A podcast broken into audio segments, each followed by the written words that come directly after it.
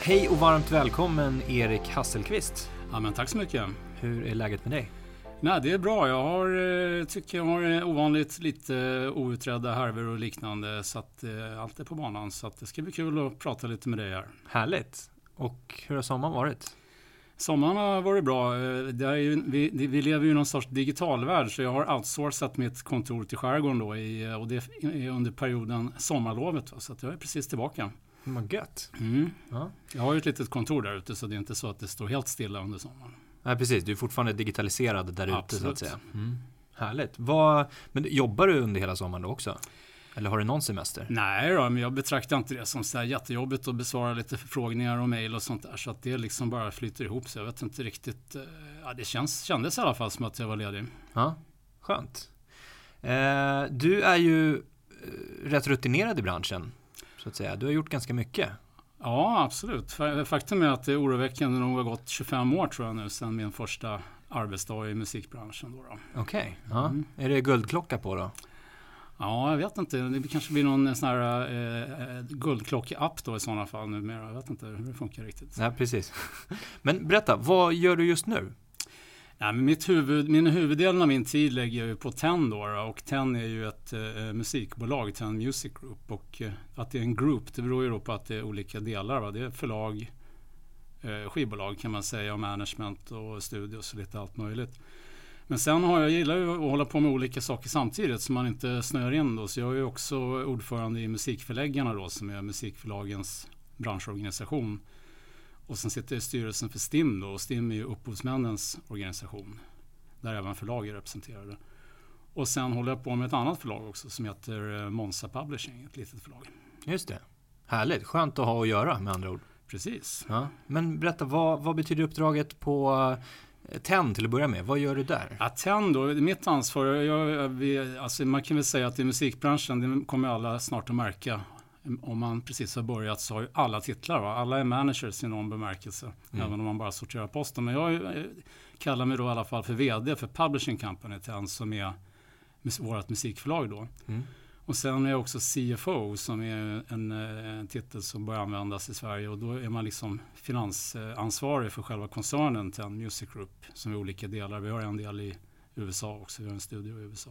Spännande. Ja. Och den eh, finansdelen, den är jag lite nyfiken på. Var eh, kommer den ifrån? Har du någon gedigen bakgrund? Ja, exakt. Va? Min, jag är egentligen civilekonom, eh, men sen tyckte jag att, att musik var roligare. Jag hade ju själv lite artistambitioner en gång i tiden och, och fick i alla fall ihop en, en tolva då, då som, som gavs ut. Men sen så bytte jag lite grann till sida på skrivbordet så att säga. Va? Mm. Så mina gamla stud, studiekompisar från Uppsala, de är ju revisorer i normalfallet idag. Så det är klart att jag har kvar lite av den ekonomi eh, grejen i mig. Liksom. Mm. Hur länge har du varit på TEN då? Ja, TEN startades i samband med att vi eh, hade ett annat bolag tidigare eh, som hette Stockholm Records. Det var Ola Åkesson som startade upp det och, eh, och jag var med och Alexander Bard och lite andra. Och sen såldes det till eh, eh Universal då någon gång runt 2004 tror jag det var. Mm. Och då eh, startade vi TEN istället som en helt ny grej efteråt. Alexander är ju inte med längre och det istället är det några andra som är med. Men i princip likartat gäng då. då. Ja. Har du alltid haft samma ansvar och titel på TEN sedan dess? Uh, nej, från början så var ju TEN faktiskt en, ett förlag och så hade vi en liten uh, ganska ja, halvbra studio kan man väl säga då, då och, och ett produktionsbolag. Så vi producerade låtar åt andra skivbolag då och, eh, och sen hade vi en eh, fem, sex eh, låtskrivare då från början. Mm.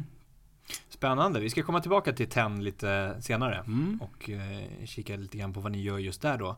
Men sen sa du ju, du är ordförande i Musikförläggarna. Ja, och, och musikförläggarna representerar ju då alla, men alla branscher har ju en branschorganisation. Skivbolagen heter ju IFPI då och eh, musikförläggarnas heter då logiskt nog Musikförläggarna. Och och, och där tillvaratar man ju intressena då för, för musikförlagen. Och det kan vara frågor om eh, eh, juridiska frågor om upphovsrätt och det kan vara hur pengar fördelas.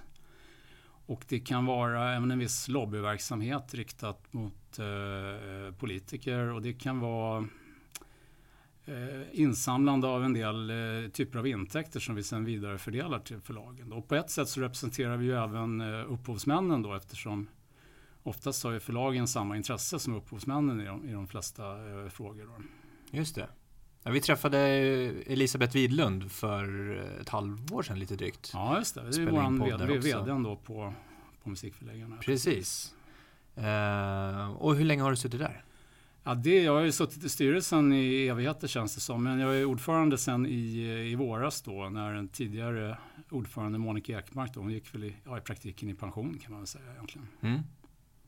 Och bara för att du ska ha att göra som vi sa så nöjer du inte där utan sitter även med i STIM? Ja, och det har jag också gjort länge. Och STIM, det är ganska kul. Alltså, STIM, eh, alltså, många tror att STIM är någon sorts statlig myndighet som mm. liksom eh, slussar vidare eh, pengar till upphovsmännen och, eh, och bevakar deras intressen. Men det är, det är inte så, utan det är en förening där man ansluter, som man ansluter sig till eller blir medlem i så småningom, då, som, om man skriver låtar. Ja. Och, eh, och, och, och, det är väldigt stora belopp som samlas in via STIM. Så en upphovsman får ju normalt sett den absolut största delen av sina pengar via STIM. Då. Mm. Och STIM har ju inget vinstsyfte utan ska ju skötas så effektivt som möjligt. Då. Och, och det finns ju en motsvarighet till STIM i alla andra länder som heter något annat, då, som GEMA i Tyskland till exempel. Så. Mm.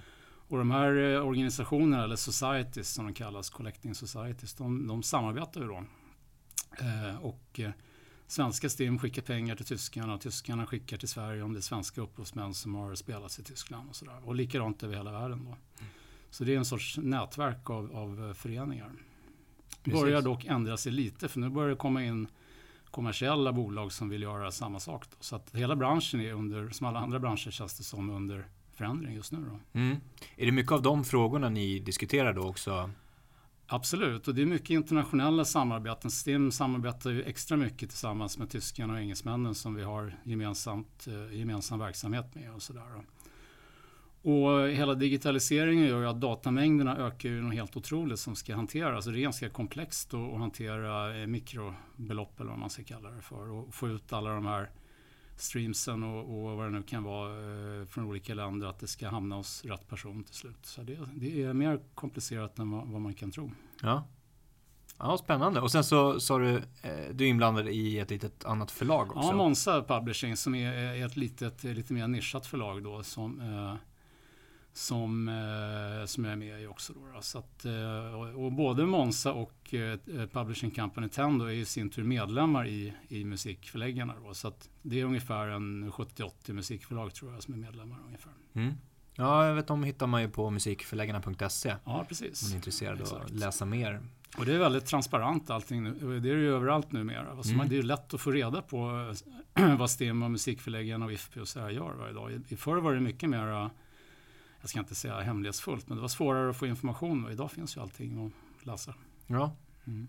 Härligt, det var ju lite kort om liksom vad du gör just nu. Mm. Ehm, det låter ju som att du har en väldigt spännande, spännande uppgifter på olika håll och kanter. Ja, men det är kul i musikbranschen, var man än hamnar någonstans. Så ja. det är roligt. Men hur kom du in liksom i musikbranschen då? Om vi går hela vägen tillbaka. Som du sa, du är civilekonom i grunden. Ja, precis. Och sen höll jag på med en skiva med en kompis då. Så vi, ja, vi gav ut en singel då. Men sen kände jag att det här var ganska segt. Och jag ville ändå kanske ha något, eh, något att jobba med trots allt. Så jag eh, på den tiden skrev brev då till eh, jag kartlade branschen och så tog jag de två bolag som jag tyckte verkade bäst just då.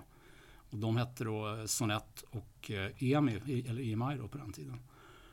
Och så skrev jag brev till dem och lustigt nog så fick jag eh, jobb på oss båda eh, samma dag faktiskt. Jaså? Ja, så att jag, jag fick ett jobb på, på EMI. Jag skickade in en massa förslag. Jag satt i trädgården i Uppsala i studentområdet där och så skrev jag, hittade på lite olika sådana här samlingsplattekoncept och sådär. Så bara började jag skicka dem till EMI och sånt. Och efter ett par veckor då så tänkte väl om att ah, men det här måste vi undersöka. Om man orkar sitta och skicka sånt här hela dagarna så kan det vara värt att kolla upp. Och då gjorde de det. Och så fick jag ett jobb på EMI och sen eh, ringde de från Sonett ett par timmar senare samma dag. Va? Och så sa, sa de att ah, men du kan nog eh, du kan nog börja här för att eh, Ola Håkansson han ska starta upp ett nytt bolag, Stockholm Records, nu när, när Sonett ska säljas och sådär. Och då, och då tänkte jag att ah, men okej, det lät ju bättre. Så då ringde jag till EMS och så sa att nej men du, jag kan inte till vdn där att jag hoppar av det här jobbet. Är du inte klok? Så, vad fan håller du på med? Så. Ja, men vad ska du göra då? då sa han. Ja, men jag, jag ska börja på Sonett istället. Ja, men det är okej, okay, så. Det är det enda bolag som jag respekterar. Så. Alltså. så att det gick ju bra då. Ja, men härligt. Sen hade jag en väldigt lustig en sån sista anställningsintervju. För att då, då ringde det någon från Sonett och sa, men kom ner på våran vårfest. Eh, Sonett och Virgin på den tiden hade ett gemensamt säljbolag. Och så eh, kom, kom ner där och så får du träffa lite folk så får vi se. Och så kom jag in på gården det var en sån här utomhusfest. Den första jag träffade var E-Type som jag sen jobbade med i alla år. Det var precis innan han började släppa låtar. Och, eh, och sen kommer Alexander Bard fram till mig och säger så här, är det du som är Erik Hasselqvist? Ja, så, ja, du åker med mig, sa han. Så hoppar vi in i hans eh, Renault Clio som han hade, kommer jag ihåg. Och så körde vi iväg. Och så var han så här otroligt otrevlig mot alla. Liksom. Han skällde ut någon taxibil som blockerade oss. Och sen så skulle vi tanka på Statoil. Och så så eh, kom vi in där så var det en ganska lång kö. Va? Och så sa han, äh, vad fan, jag är faktiskt kändis. Och så gick han förbi hela kön och jag bara tänkte, vad är frågan om? Liksom, så här, vad är det som händer här? Ja, men jag hängde bara på liksom. Och så frågade han mig en massa grejer då. Och sen när jag kom tillbaka så, så gick han bort och så snackade han med Ola och med Dag Häggkvist som var Sonett eh, VD på den tiden.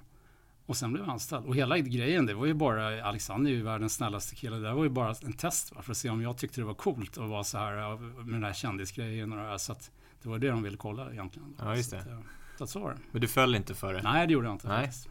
Men eh, jag tänker, det, det, där är lite intressant som du sa att du, du pitchade egentligen samlingsalbumskoncept som du sa. Ja, det gjorde jag. Jag tror jag skickade in en 30-40 stycken, varav några faktiskt eh, som jag gav ut några år senare sen. Eh, Okej. Okay. Ja. Kan du berätta om någon som du inte gav ut, som inte blev någonting, som du hade någon Ja, det var, ju, sitter, det var ju rena, en del var ju rena, det var, jag hade, kommer ihåg, jag hade någon, eh, någon som hette någon, någon sån här hundskivan något sånt där. Alltså, och, det, och då hade jag, satt jag och letade upp låtar som hade någon form av hundtema i texterna och sådär. Och det var ju naturligtvis en osäljbar grej som ja. kom ut. Så det är lite som att likna med att pitcha eh, playlists. Ja, det kan man på, säga. På digitala streaming-sajter då? Ja, eh, precis. Playlisten är ju dagens samlingsskivor. Så, det, så är det. Ja. Vad, vad har det här liksom betytt för dig eh, som person att vara med i musikbranschen? Känner du att du har varit delaktig i i utvecklingen av den på något sätt? Ja, men det tycker jag nog. För det första så var det, var det otroligt kul att få kunna... Jag blir alltid lite så fascinerad att man får betalt för att göra någonting som bara är kul egentligen. Så här. Det är lite mm. lyxigt får man ju säga. Eh, jag tycker nog att jag varit med och påverkat. För Stockholm Records var ju lite nyskapande i och med att det var så exportdrivet. Va? Det var ju första gången man organiserat satsade på att exportera musik. Tidigare var det mera lite slumpmässigt. Då. Det fanns ju på produktionssidan med Cheiron samtidigt. Då. Men på skivbolagssidan fanns det ingen som hade jobbade fokuserat på det sättet. Och eh, när det gäller TEN så var vi var inte först att vara ett så kallat 360-bolag. Det var egentligen ett bolag som hette Lionheart. Men, men vi, var, vi var ändå väldigt tidiga på det och började jobba med artisten som helhet istället för att bara ha bara vara skivbolag. Då, då. Mm. Så det tycker jag. Om man tittar tillbaka då, vad är det som du har brunnit mest för Eh, under de här 25 åren som vi pratar ja, det, om? Ja, det roligaste det är att, att, jobba med någon helt okänd eh, person som har talang va, men som kanske aldrig har gett ut något. Eller så här. Och sen jobba med det tills det verkligen lyckas och det blir kanske en, till och med en världsgrej om man har tur då. Mm. Det, det, är otroligt kul. Va? Jag har också ett tag jobbat med att marknadsföra utländska artister i Sverige. Då. Eh, det är inte alls lika roligt faktiskt, utan det måste jag säga. Utan då är det bara mer som vilken produkt som helst. Men det roliga är att vara med någonting som från början tills, tills det lyckas. Ja. Och sen, hur känns det med de som, för alla blir ju inte lyckade i den Nej. meningen. Nej, det um, finns ju bara tio platser på topp 10 så att säga. Ja, precis. En del blir ju floppar också kan jag tänka mig. Ja, um, absolut. Hur, hur liksom tacklar man en sån grej? Uh, ja, tacklar och tacklar. Det, det, det, får man helt enkelt acceptera. Mm. Uh, man, på något sätt så kom, uh, det beror på hur, vilken vinkel man har på det. Men på något vis så kommer man ihåg framgångarna och glömmer bort flopparna på något vis. Eh, jag brukar eh, ibland påminna Ola då, som jag har jobbat med i alla år, att ja, men, om lite gamla floppprojekt. Va? De har han, har han inget som helst minne av. Mm. han är bra på det där. Ja. Och ur artistens synpunkt så, så jag, tycker jag ändå att de flesta eh, efter ett tag som kanske inte lyckas ändå accepterar att, att det, kanske inte, det här kanske inte var min grej. Eller, Och en del eh, kanske går vidare och blir, byter bana, blir låtskrivare eller producenter. Det finns ju många roller i, i, i branschen då, mm. så att säga. Men du har inte varit själv nyfiken eller sugen på att byta helt? Nej, det har jag inte varit därför att jag har ju lite annat. Jag jobbar ju lite med, på IT-sidan också. Jag har ju suttit i styrelsen för en ja, numera ganska stort eh, bolag som heter Bahnhof då, som är en internetoperatör. De har alltid varit lite cutting edge på, på IT-sidan så jag har lärt mig mycket eh, via det då, som jag också haft nytta av på musiksidan. Mm. Sen har jag hållit på med, med, på fritiden med skogsbruk då i Norrland i alla år. Så jag har ju motorsågskörkort och lite sådana grejer. Så okay. det tycker jag räcker. Då får jag lite andra, andra inputs. Va? Och då, då, och då så finns det ingen anledning att, att byta. Då. Nej. Men det var ju så, det var ju några år eh, på 20, i början på 2000-talet, kanske 2005 till 2008 ungefär, när branschen verkligen gick dåligt. Va? När Pirate mm. Bay var som störst och så där, och intäkterna rasade och, och skivbolagen gjorde sig med folk. Och, då var ju även, började ju även jag tycka att ja, men här kanske man ändå, nu kanske man kan hitta på något annat. Va? Men, men vi höll ju ut där och, och, och sen vände det ju väldigt snabbt mm. alltihopa. Mm. Ja, då var det nästan som att ni började fundera på nya modeller. Var det, ja. var det lite då ni började titta på just när det gäller TEN också? Eh, 360 Ja, det kan man väl säga. Det, det, det, hade lite också att göra med att vi, hade, vi producerade och skrev ju ett par skivor med en artist som hette, eller heter fortfarande, Amy Diamond. Som det gick otroligt bra i, i Sverige och i Skandinavien. Det var stora hits verkligen. What's in it for me var väl hans största låt då. Och sen, eh, men då hade, levererade vi ju det till ett annat bolag då och, och, vi kände ju att det här vid den tidpunkten, det här ska lyckas utomlands då. Och det var jättenära i Tyskland, det var nära på lite andra ställen men det gick aldrig igenom riktigt. Och då kände vi oss lite grann som eh, så här, vad heter det, backseat drivers. Att vi, vi, vi gjorde en produkt och så lämnade vi iväg den och sen tappade vi kontrollen över den. Mm. Och så tyckte vi med vår bakgrund i Stockholm Records att det där hade vi kunnat gjort bättre själva. Liksom. Och det här vill vi inte ha upprepat en gång till. Och då började vi att vilja ha, eh, och då tänkte jag, ja, men då, ja, vad gör vi då? Ja, då måste vi börja och, och signa artister helt enkelt igen. Mm. Uh, men tanken var inte från början att vi skulle göra det. Utan det, det blev så. Plus att den här så kallade 360-modellen började bli omtalad och började bli en möjlighet. Då. Mm. Känner ni att det var mest nödvändigt för er som bolag eller också för artisten? Egentligen så var det, vi hade ju egentligen inga artister så det var ju mest nödvändigt för oss och för våra låtskrivare och producenter som blev frustrerade för att de inte att inte de låtar de hade producerat gick så bra som de tyckte att de borde göra. Sen tycker jag i och för sig att det är bra för artisterna också för det är ganska svårt att få, om man är helt ny som artist, att få någon att satsa tid och pengar om eh, om man inte har tillräckligt många rättigheter idag. Mm. Om man bara hade skivrättigheten idag då, eh, då, skulle, då skulle det nästan inte gå faktiskt. Och även om du skriver ett skivkontrakt med Warner eller Universal och sånt där idag så har de ju alltid en, eh, normalt sett en, en andel i liveintäkter och annat. Och så, där. så att även om det inte är 360 så kanske det är 180 då, eller något sånt där. Mm. Så att det går liksom inte det kanske kommer att gå snart igen när streamingen blir tillräckligt stor. Då kanske det börjar gå tillbaka till den gamla modellen igen. Det är möjligt. Hur är det att jobba på TEN? Hur är kulturen så att säga? Kulturen den är eh, eh, det, ja, vad ska man säga? Det är väldigt högt i tak för det första. Du kan säga vad du vill och all information flyter omkring väldigt fritt. Så att om du kommer in som praktikant eller helt ny eller något sånt där på TEN, då kan du lära dig snabbt om väldigt mycket. Va? För det är ingen som sitter och tjuvhåller på sina kontaktnät eller sina, eller sina specialområden. Så, så det är en väldigt stor fördel tycker jag.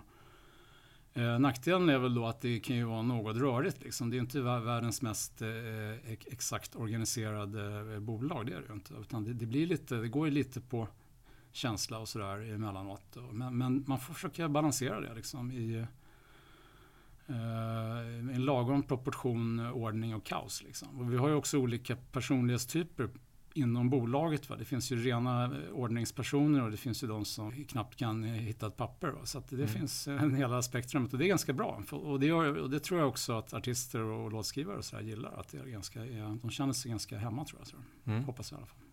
Man, man, måste ändå säga att, att TEN är ju ett, ett lyckat eh, konceptet lyckat företag. Ja. Vad tror du har varit mm, framgångsfaktorerna?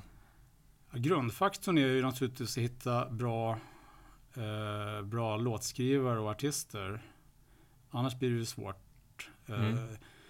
Och sen tror jag ändå att det att vi, vi visste ju från eh, Stockholm Records-tiden att, vi, vi kan, att det går att lyckas med, med grejer utomlands till exempel. Och det är lite sån här mental inställning också att, att ja, men det är ju självklart att om har vi en hitlåt eh, eh, som vi tycker är en hitlåt så ska den ut i världen. Va? Det, det, det är inget konstigt med det. Så att det tror jag hjälper till ganska mycket att man har den inställningen. Det är ungefär som att det kommer en massa bra tennisspelare efter Björn Borg bara för att helt plötsligt såg jag det. Det är klart, jag kan väl också bli topp 10 i världen. Liksom. Och det, jag tror mycket sitter just i den grejen faktiskt. I att man skapar en, en miljö där folk känner att det, kan, att det här kan gå hela vägen. Mm. Även om det inte alltid gör det. Du nämnde att liksom mycket av det ligger i att leta nya låtskrivare. Eh, producenter också kan jag tänka mig. Ja, Hur, hur går ni tillväga?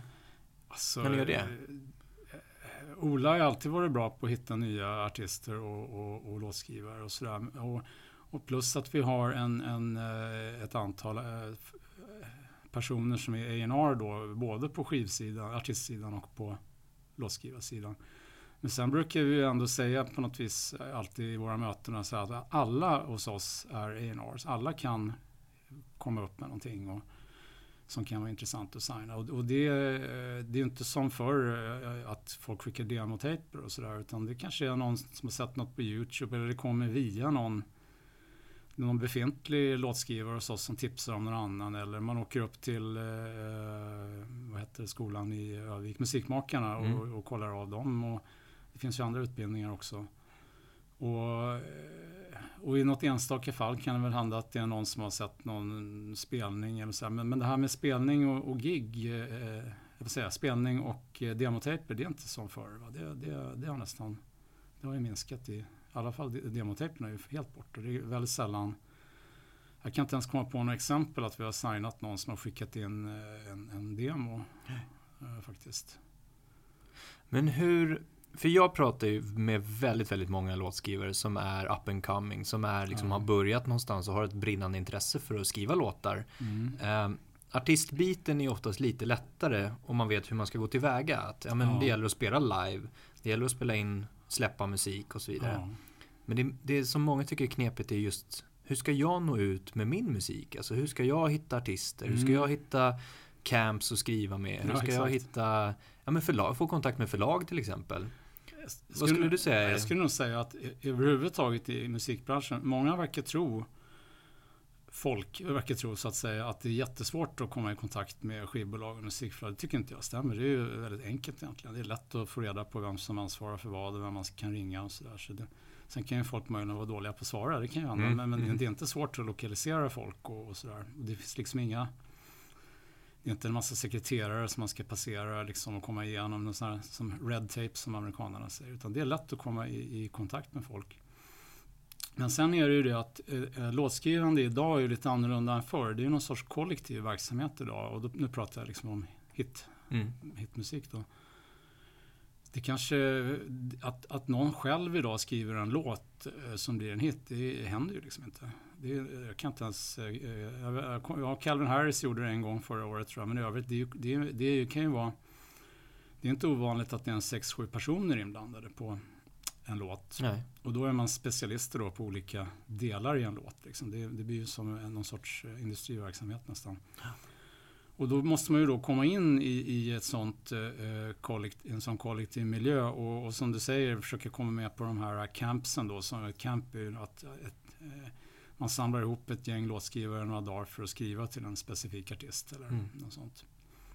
Och då är det, det är ganska svårt att göra själv. Liksom. Det om man inte råkar ha, känna någon, eh, ha någon extremt bra kontakt. Utan det är då man behöver ett förlag till exempel. Mm. För, Mm. för, att, för att komma in. Det är en ganska social verksamhet idag och eh, nätverksbransch egentligen. Mm.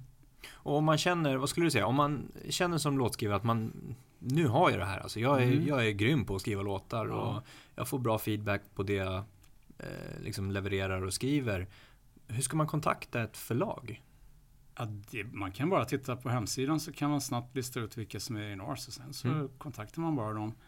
Och sen är det ju faktiskt så att du behöver inte egentligen eh, vad efterfrågas idag kan man ju undra. Ja, det kanske inte är någon som kan skriva en hel låt. Det kan ju låta jättekonstigt där. Men man kanske vill ha tag på någon som är bra på att göra beats. Exakt. Det kan vara någon som skickar in en, en massa, eh, en massa eh, trumloopar och, och, och, aldrig har skrivit en låt hela sitt liv. Och det kanske ändå är han, honom eller henne som förlaget vill, vill, vill ha. Så det är mm. kanske det man behöver. Eller man kanske är ute efter någon som är bra på text. Mm.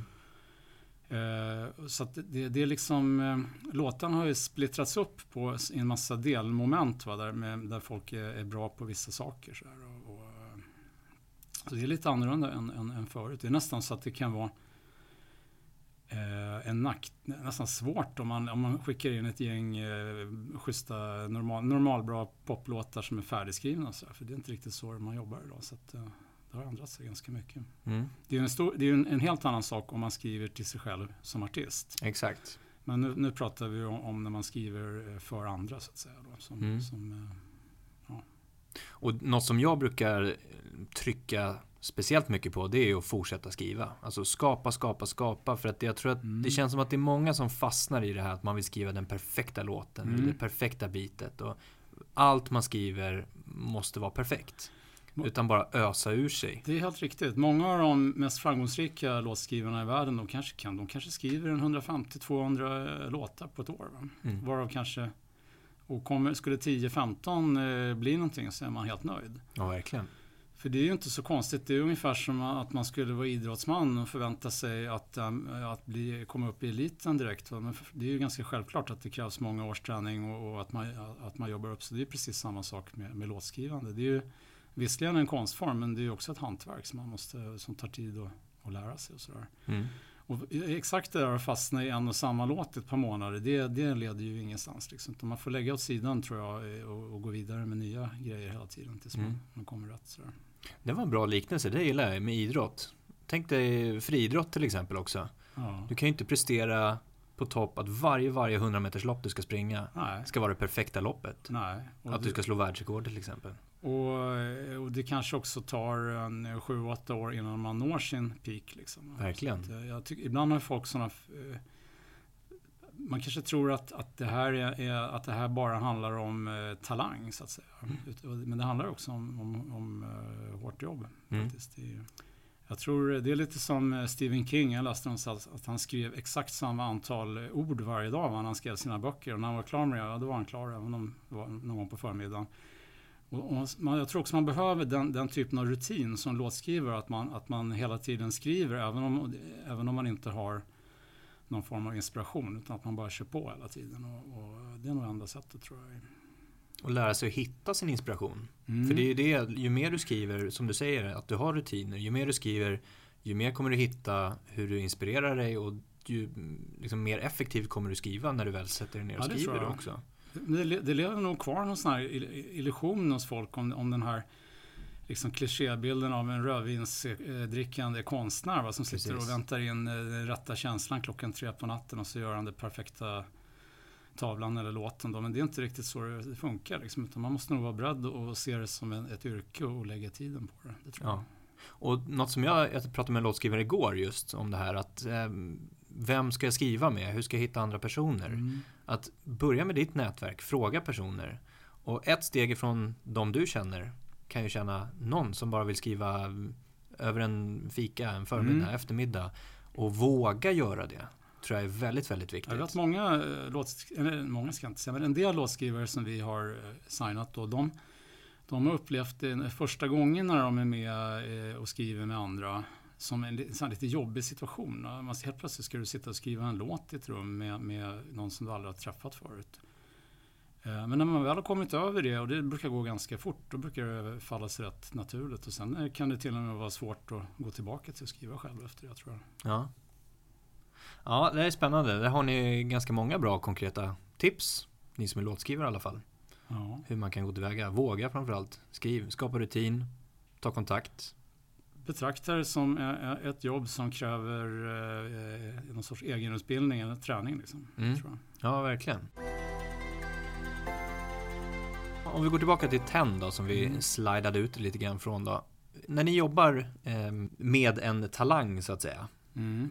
på vilket sätt känner du dig, om vi tar publishing-biten, hur, på vilket sätt känner du dig delaktig i den karriärsutvecklingen av den talangen? Ja, f- först så tror jag att, att eh, vi vill ju skapa en, eh, eftersom det då är en kollektiv verksamhet, så vill vi ju skapa en, en, en miljö eh, eh där, det, där, där folk kan fungera. Och det tycker jag vi har. Vi har I våra studios där det cirkulerar väldigt mycket folk. Om du kommer in som ny där så har det lätt att, att äh, träffa andra och börja skriva med andra. Så det blir liksom en naturlig eh, startpunkt. Tror, och det tror jag det är inte något som vi har kommit på utan det, det där gäller ju för eh, Max Martins gäng och alla förlag att man försöker bygga någon liten community liksom där folk trivs och, och, och, och dessutom får du kanske en cirkulation och det kommer in olika artister och det passerar en massa folk och sen så blir det en, en, en mötesplats va, där du till slut eh, eh, hittar din roll efter ett tag. Då, då. Mm. Och det tillhand, försöker vi tillhandahålla då, då. Och sen är det ju upp till, lite upp till folk själva eh, eh, om de, hur bra de är och, och om de passar in och sådär. Och om de tycker det är kul. Och, och sen den andra delen är väl att eh, vi måste ju också vi kan ju inte bara eh, sitta och, och vänta på låtar utan vi måste också hjälpa till och, och få ut låtarna när de väl är skrivna. Och, och det kan man ju göra genom att pitcha dem som man säger att man kontaktar olika bolag i Sverige och utomlands och kollar vad de letar efter för låtar och, och så visar man upp det man har. Och, men det kan också, vilket är vanligt numera, vara att man försöker få hit artister till eh, våran studio här eller i LA då och eh, och då blir det ju lite grann som, som ett camp att, man, att eh, artisten kommer dit och så skrivs det en, massvis med låtar i olika konstellationer, ofta tillsammans med artisten och, och sen så blir några av dem eh, ja, inspelade på riktigt då, förhoppningsvis. Mm. Det kan, vara, det kan till exempel vara inom en dansmusikvärlden. Det kan vara en, en, en, en, det kan vara en holländsk DJ-artist då som, som eh, vars, man, om man har kontakt. Det krä- här kräver ju ett visst nätverk helt enkelt. Som, och han kanske behöver eh, en massa toplines till, eh, till sina låtar, alltså eh, texter och slingor kan det väl vara och sådär. Och då, han har gjort en massa beats och, och så. Och då får man kolla, vad är det för stil då? Det finns ju en miljard stilar inom dansmusiken liksom. Så man, man inte skickar en massa grejer som ändå inte skulle funka. Utan man får kartlägga lite innan. Så får man se vad man själv har. Så skickar man ner det och ser om man kan, om, om det kan bli eh, inspelat då. Så att i, ibland kan ju folk, eh, våra låtskrivare, de kan ju vara med- på en låt där de överhuvudtaget aldrig har träffat de andra låtskrivarna eller artisterna. Eller sånt där. Det är fullt möjligt idag. Du skickar, runt, bara, skickar bara runt grejerna. Just det. Speciellt inom dans, dansvärlden. Då. då. Ja. Så att, eh, ja, men liksom, egentligen tillhandahåller vi miljö och eh, nätverk kan man väl säga. Det är väl huvud, eh, huvudrollen. Och, lite, och så lite hjälp naturligtvis med men man kan ju ha, eh, A&Rs kan ju ha synpunkter på hur folk skriver låtar. Och säga, men du kanske borde göra si eller så istället och du kanske borde byta, eh, skaffa några andra ljudkort eller någonting. Eller, eller så då. Eh, så det, den delen finns också, det har den ju alltid gjort. Då, då. Och jag tänker på din roll på TEN då. då. Hur Mm. ser en vanlig dag ut? Eh, ja, en vanlig dag, det, den ser väl ut som så att för det första så kommer det alltid in rätt mycket förfrågningar varje dag världen runt på olika låtar. Det ska användas i eh, reklam, det kan vara reklamfilmer, det kan vara eh, olika konstiga grejer eh, som man får och folk vill. Det kan vara regissörer, det kan vara spel och allt möjligt. Det kommer ständig flod av sådana grejer som man då får hantera om man vill förhandla priser eller man vill tacka nej eller tacka ja och kolla med låtskrivaren och sådär som tar en del tid. Sen är det ju en del, för min del då, det är ju mycket eh, relationerna kanske med våra representanter utomlands på förlagssidan då, då som, eh, eh, som vi jobbar med och eh, det kan vara frågor om vad ska vi göra närmsta tiden? Hur organiserar vi, vad är det nu? Hur organiserar vi september liksom? Vilka ska vara i studion? Hur, eh, är det några camps och, och är det några avtal som behöver är det några nya som ska signas? Är det några som ska omförhandlas? Är det, behöver vi köpa nya grejer? Hur, hur planerar vi upp liksom närmsta tiden då? Eh, och hur koordinerar vi oss själva med eh, våra vår verksamhet i LA? Liksom. Det är inte helt enkelt alltid att samköra det. Och så där. Och, och sen har vi delat upp eh, låtskrivarna mellan olika personer på förlaget så att man, får, man vet vad, vad alla håller på med och sådär. Det är ganska blandat. Plus att för min del så har jag även en del, eh, mycket, rätt mycket med artistsidan att göra då, mera på eh, ekonomi och avtalsdelen där då. Slänger in lite budgetmöten på eftermiddagen sådär. ja, precis. Nej, men det är mycket, om man tar Sara Larsson som vi har, va, det genererar ju en enorm mängd eh, möjligheter och problem, eller på att säga. Men det kommer otroligt mycket ärenden hela tiden som berör henne liksom, och vad som händer i olika länder och med låtar och sånt där. Så det är ganska, det är ganska stort maskineri liksom. Mm. Så att det gäller att snabbt uh, beta av alla sådana där grejer. Så att om man jämför med hur det var förr i tiden, då upplever jag att då satt man ofta man hade mer möten och pratade mer i telefon med folk. Va? Idag har det blivit en, en fullständig flod av olika eh, mejlgrejer istället. Som, och det tror jag alla upplever i branschen. Om man går in på ett skivbolagskontor idag så sitter så jag vet att folk kan ibland bli förvånade. Man hör ingen musik, liksom. alla bara sitter framför sina datorer. Och det, det beror ju just på att du pratar ju knappt med den som sitter i rummet bredvid, va? utan du skickar ett mejl in dit istället. Så alla, alla sitter där liksom och, och, och knappar. Och det är ett lite annat sätt att, att jobba. Ja. Så ibland när vi får, får det kommer, kanske kommer en utlandsbesök eller något på kontoret får man nästan säga till. Men nu får ni fan spela lite låtar så det känns som ett musikkontor och inte alldeles tyst där. Ja, precis. Så de känner sig lite hemma också. Exakt. Vi pratade ju lite grann eh, kort om framtiden innan vi började spela in mm. här nu. Och det är ett ämne som i alla fall intresserar mig otroligt mycket. Ja. Jag tänker hur du ser eh, på framtiden. Hur tror du att det kommer utvecklas? Till exempel hur man kommer producera och konsumera musik? Ja, det kan man ju verkligen undra. Och den som vet det drar ju vinstlotten naturligtvis, eller den som får rätt. Men, men jag tror att man kan ju, för det första så det är inte säkert att streaming är den liksom slutstationsteknologin. Liksom, det kan ju mycket väl dyka upp något annat sätt att, att konsumera musik. Man ska inte vara helt säker på det, även om alla eh, är lite inne på det just nu. Då. Och sen kan man ju tydligt se att, att konsumenterna, eh, i alla fall de yngre, lyssnar ju på ett annat sätt idag. Du lyssnar på låtar eh, och kanske inte så mycket på album längre. Den här eran då, som när jag var tonåring, när alla, man var, man var eh, hårdrockare eller syntare eller punkare. Man hade en identitet via musiken och folk låg hemma på sängen och lyssnade på hela album och man läste omslag och sådär. Och, och och, och, musiken kanske formade folk, eh, en tonåring, ganska mycket till vad man blev sen. Det, den verkar ha dalat ganska kraftigt måste jag säga. Det, idag är det ju mer entertainment och det är lite Musiken är fortfarande viktig men man kanske konsumerar den av bara farten medan man gör något annat. Liksom. Mm. Och, man, och man, kom, man, man, väljer ut låtar som man tycker är bra snarare än, äh, än att man följer en artist äh, hela tiden. Naturligtvis så följer folk fortfarande artister. Jag menar bara att det inte är lika mycket som tidigare. Och det, det känns som att eh, konsumtionen har ändrat sig där. Och det finns ju de som säger att man egentligen att, att det konsumeras mer musik idag än förr. Och det är mycket möjligt att det gör, men, men den konsumeras nog inte lika aktivt. Det tror jag inte. Utan mer att den hela tiden finns med och, och i lurar eller i bilen eller medan man jobbar eller vad som helst. Och, och, även spellistorna har väl förändrat lite. Att du kanske kör en running playlista om du, om du är ute och tränar. Du kanske kör någon sån här, vad heter det, middagsplaylist om du, om du har middag. Och du använder mer musiken som en stämningsskapare och sen tänker du inte, kanske inte så mycket på vad du egentligen lyssnar på. Det, det är ett, annat sätt mm. att konsumera. Och, och frågan och det undrar om inte det kommer att hålla i sig faktiskt. Jag tror nog att det håller i sig ett, ett bra tag.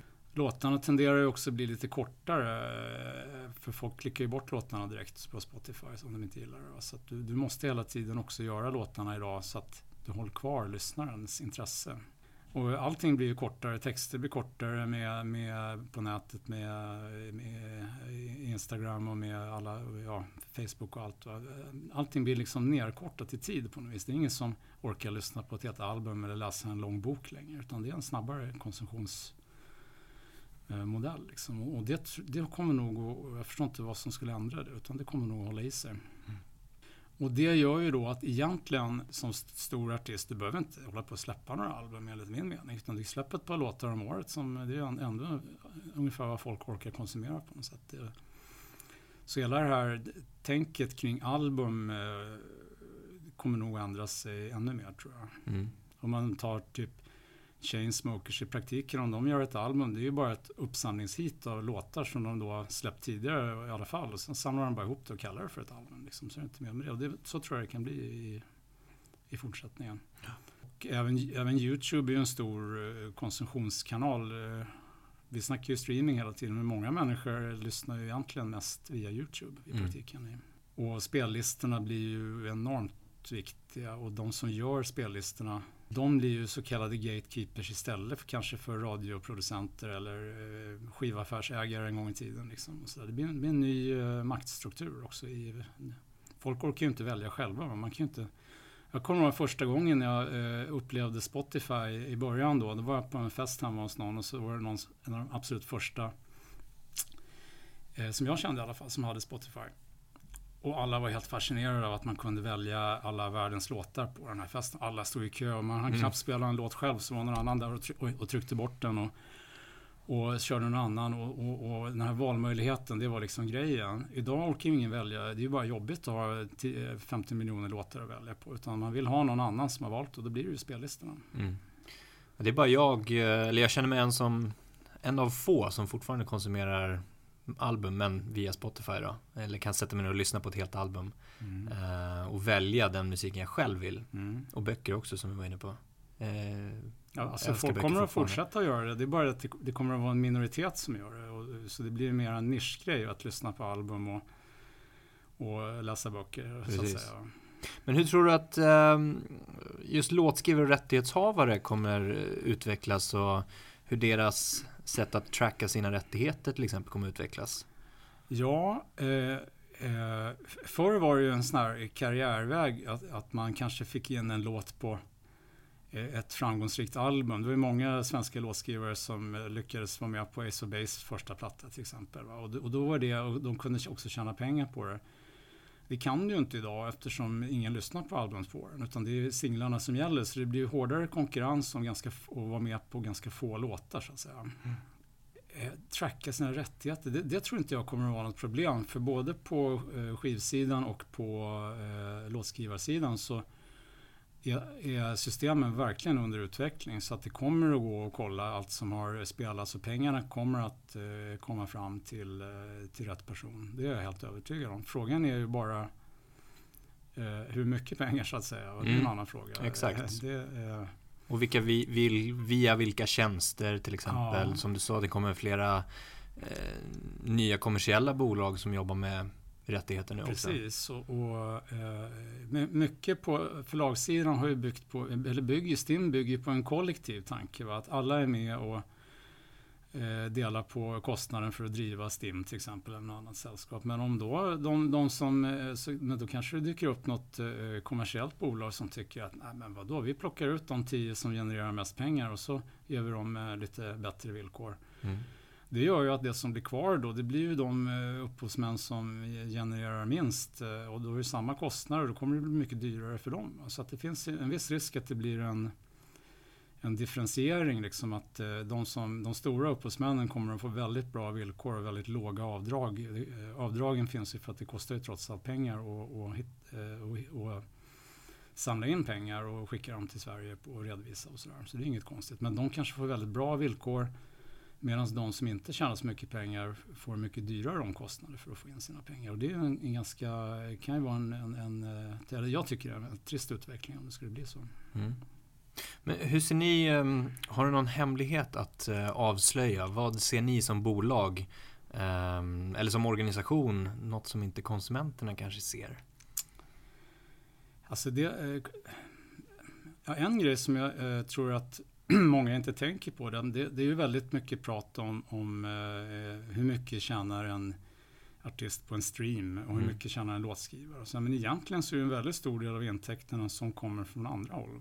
Det spelas en låt på radio genererar det pengar, är det med i tv-program så genererar det pengar till låtskrivaren. Eh, används den i eh, om man går till en frisersalong som spelar musik så betalar han pengar till STIM, ett månadsbelopp Eh, och så vidare. Så all musik som man hör överallt eh, genererar ju eh, pengar till den som har skrivit den. Mm. Och, och, och de här, alla de här andra pengarna blir egentligen eh, betydligt mer kanske än vad, vad, vad man får för en, en, en, stream på Spotify. Så jag tycker ibland att man överfokuserar nästan på, på, på den, den diskussionen. Det är egentligen är hela eh, musikbranschsystemet ganska smart uppbyggt. Eh, just för att det finns nästan inga användanden idag som, eh, där, där, där, man inte får betalt för det som låtskrivare. I sådana fall beror det på att det är någon, någon tvist eller avtalsförhandling som inte är löst. Men det finns liksom inga, inga områden där, där det bara är att, eh, att konsumera musik gratis. I sådana fall är det ju en olaglig verksamhet. Liksom. Utan, eh, så det, egentligen funkar det faktiskt ganska bra tycker jag. Mm. Så mer att bredda sin vy lite grann kring och inte bara fokusera på en intäktskälla då? Ja, jag tror det skulle slå betydligt hårdare eh, för eh, upphovsmännen om intäkterna för radiospelning skulle börja gå ner radikalt. Och då kan man ju i och för sig då fråga sig vad händer med radio i framtiden med, med nätet och, och så vidare. Och det, är ju högst, det kan man ju undra. Mm. Så det, det blir väldigt oklart liksom egentligen hur många områden kommer att utveckla sig framöver. Mm. Om vi går in och fokuserar lite mer på din framtid då. Mm. Vad vill du kunna liksom bidra med framöver? Uh, jag är ju, alltså TEN, det rullar ju bara på liksom. Där har vi ju våran idé som vi följer. Men sen tycker jag det är kul med, med musikförläggarna och, och, och STIM då. Och min inställning är ju att det har ju klagats en del på musikindustrin med viss rätt att den har varit teknikfientlig och det, man bara säger nej till alla olika startup-idéer och nya tjänster. Och, att, att, att, musikbranschen är svårare att ha att göra med. Det är jobbigt för en entreprenör att få, att få musikrättigheter och sådär. Och, och, där tycker jag liksom att eh, man måste nog eh, vara lite mer eh, öppen. Den har blivit öppnare men ännu mer i, i fortsättningen och, och liksom eh, försöka att hänga med tekniken istället för, försöka, eh, istället för att försöka bromsa den. Mm. Och det är väl min eh, lite mission sådär med musikförläggarna till exempel. Att vi, vi, vi kanske måste vara lite snabbare och, och, och ta till oss eh, nya eh, tech-idéer som framförallt som har med teknikutvecklingen att göra då, och inte bara vara en, var en, en, en bromskloss. Då, då. Mm. Och egentligen, det, och det är många som, en del, i alla fall en del håller med om det, att hade inte vi haft eh, Pirate Bay i Sverige eh, så hade vi ju knappast haft en så snabb utveckling på streaming och haft ett Spotify. Det tror jag inte. Utan det var ju då folk van, vande sig vid den här modellen. Fildelningen ledde ju till streamingen på något sätt. Mm. Sverige är ju också ett av få länder i världen där det, nästan, där det inte har sålts några download i någon större utsträckning. iTunes var ju aldrig någon succé i Sverige. Och det var för att folk hoppade över det steget här. Gick direkt från Pirate Bay till Spotify egentligen.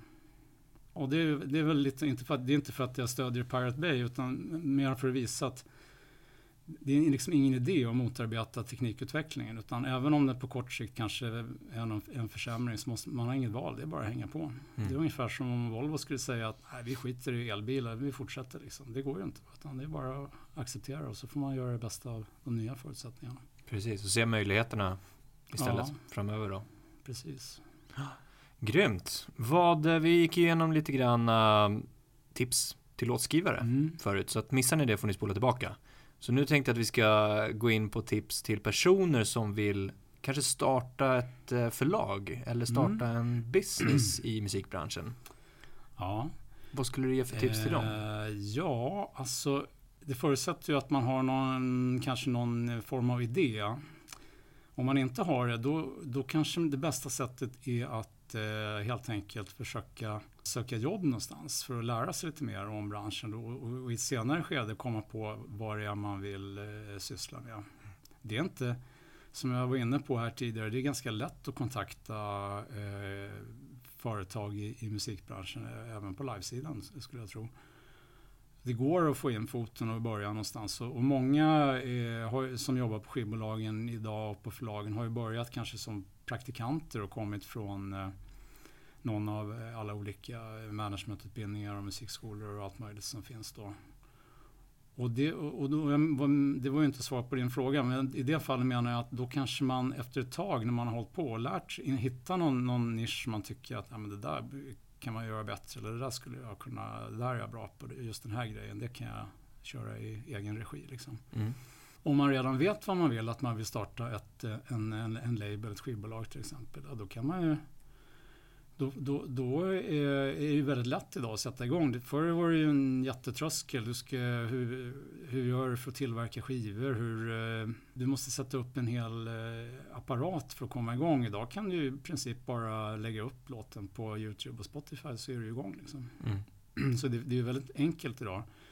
Det är billigare att spela in idag än tidigare eh, också. Du kan ju i princip spela in en platta på en, en, en, en iPad. Och, så tröskeln är lägre för att starta.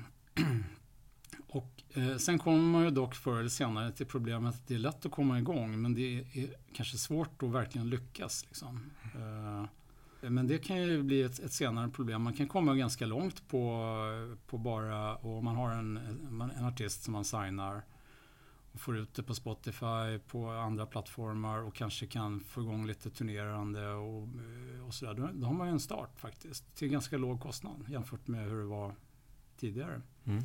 Sen behöver man kanske lära sig lite om hur skriver man ett avtal, vad, hur funkar branschen eh, i största allmänhet? Vad finns det för olika delar? Och då kan det vara bra ändå om man har gått någon av de här utbildningarna som finns. Då har man en ganska stor fördel. Annars så kanske man går åt ganska många år och man gör en massa onödiga misstag eh, innan man liksom, som man inte hade behövt göra annars.